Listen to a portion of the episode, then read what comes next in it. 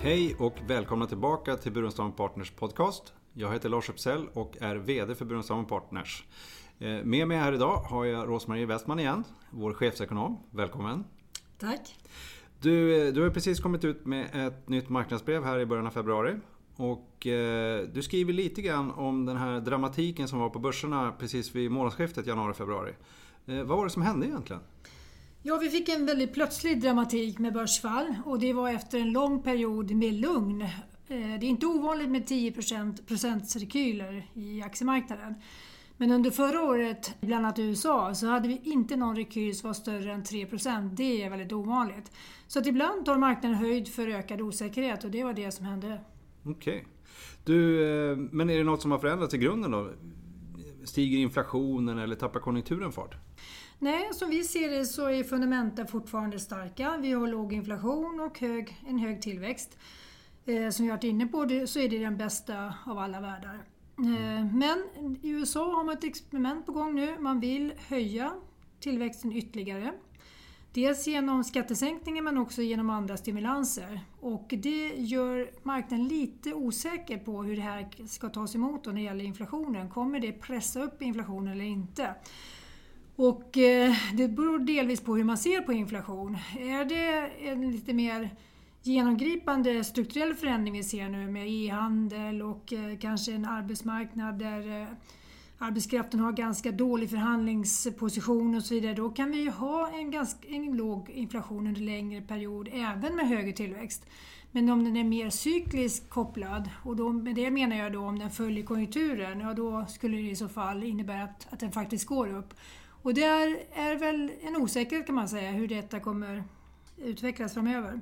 Ja, men, men eh, vad, om du skulle rita upp liksom olika scenarier framåt när det gäller tillväxt och inflation. Vad, liksom, vad ser du för olika scenarier? Vad ser du för sannolikhet för de scenarierna? Mm. Kan du säga någonting om det? Ja, jag tycker att det ser ganska stabilt ut och jag skulle säga att det här huvudscenariot då som jag beskriver med att det kanske är lite mer strukturella orsaker bakom att inflationen är låg, den kan inte helt plötsligt poppa upp och bli hög utan även du och jag kommer ju känna här i Stockholm och andra ställen också för den delen. Om, om det blir en prisökning då kommer vi se det i affärerna och på andra ställen också. Så att så fort går det inte riktigt. Och det här huvudscenariot som jag målar upp det kanske är 70% sannolikhet. Det andra scenariot som där inflationen faktiskt går upp ganska snabbt av att vi har en högre tillväxt. Och vi har ju haft en markant högre tillväxt om man jämför eh, 2017 med ännu längre tillbaka. Så ja, då blir det lite svårare. Då kommer ju eh, räntorna stiga och, och vi får lite mer problematik kring detta och det kanske då är en sannolikhet på 20 procent. Den tristaste utvecklingen, om jag nu får ta den, det skulle ju vara om man gjorde allt det här i USA och det ändå inte blev någon effekt av det hela. Då sitter de bara där med ganska okej okay tillväxt men eh, samtidigt har de då ökat sitt eh, budgetunderskott ganska rejält. Och det blir inget kul och det kommer inte heller marknaden, komma till, kommer inte heller marknaden komma, tycka att det är speciellt roligt. Ja, det kan jag förstå. Du, men om vi tittar mer på företagen så vi har haft låga räntor under lång tid och, och sjunkande räntor, även om de nu kanske har stått lite stilla och, och rört sig upp och ner på väldigt låga nivåer. Då. Men, men företagen och, och, stater har belånat upp sig. Eh, vad skulle hända liksom om, om räntorna stiger ytterligare nu? Eh, när belåningen är så hög? Mm.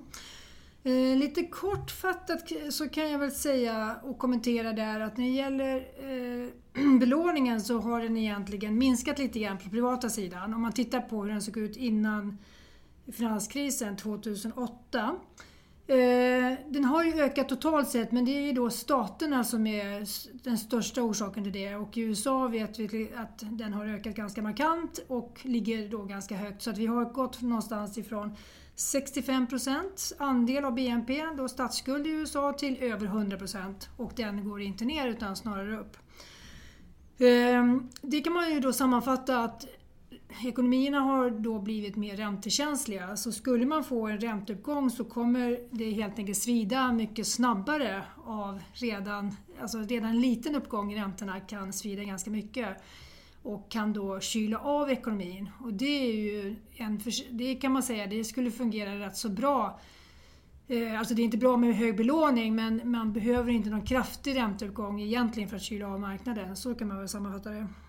En följdfråga på det. Eh, I Sverige så ja, har vi ökat belåningen privat om jag har förstått eh, informationen rätt. Mm. Men, men det är alltså inte så det ser ut internationellt?